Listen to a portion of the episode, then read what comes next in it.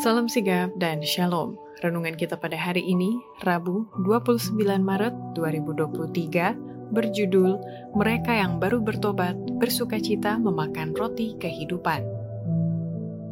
Ayat intinya terdapat di dalam kisah para rasul 2 ayat 46. Dengan bertekun dan dengan sehati, mereka berkumpul tiap-tiap hari dalam bait Allah mereka memecahkan roti di rumah masing-masing secara bergilir dan makan bersama-sama dengan gembira dan dengan tulus hati. Pena Inspirasi menuliskan yang dimaksud dengan judul renungan kita pagi ini, mereka yang baru bertobat bersuka cita memakan roti kehidupan, adalah sebuah panggilan kehidupan yang praktis agar kita bisa senantiasa memiliki sukacita bagi dunia, sebagai faktor yang menunjang kebahagiaan sejati dan sarana untuk memulihkan hubungan kita secara vertikal kepada Tuhan dan horizontal dengan sesama, sebagai berikut. Pertama, ciri-ciri mereka yang baru bertobat bersuka cita memakan roti kehidupan adalah berusaha memelihara kesabaran, pengucapan syukur, dan kasih untuk memelihara sukacita di dalam hati. Kesusahan mungkin menyerang, tetapi inilah nasib umat manusia. Biarlah kesabaran, pengucapan syukur, dan kasih itu memeliharakan sukacita dalam hati, meskipun hari mendung dan gelap. Kedua, ciri-ciri mereka yang baru bertobat bersuka cita memakan roti kehidupan adalah berusaha hidup bertekun dalam keadaan terbuka terhadap serbuan musuh-musuh yang tidak tampak dan tidak kelihatan itu.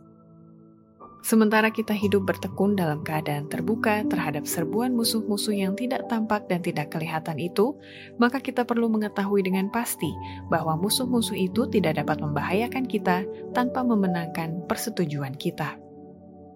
Ketiga, ciri-ciri mereka yang baru bertobat bersuka cita memakan roti kehidupan adalah berusaha menunjukkan teladan kehidupan Kristus dalam kehidupan sehari-hari. Allah didukakan oleh memperhatikan kepentingan diri sendiri begitu sering ditonjolkan untuk diri saya dan keluarga saya. Setiap keluarga yang menginginkan roh yang demikian ini perlu pertobatan melalui prinsip yang murni sebagai contoh dalam teladan kehidupan Kristus. Orang-orang yang menutup diri sendiri, yang tidak rela menjamu tamu-tamu, kehilangan banyak berkat.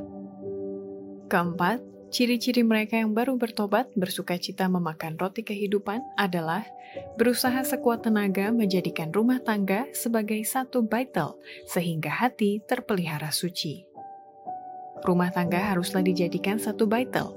Hati kita itu dijadikan tempat suci. Di mana saja kasih Allah itu dihargakan dalam jiwa, di sana akan ada perdamaian, akan ada terang dan sukacita. Paparkanlah firman Allah di hadapan keluargamu dalam kasih dan bertanyalah, apakah yang difirmankan Allah?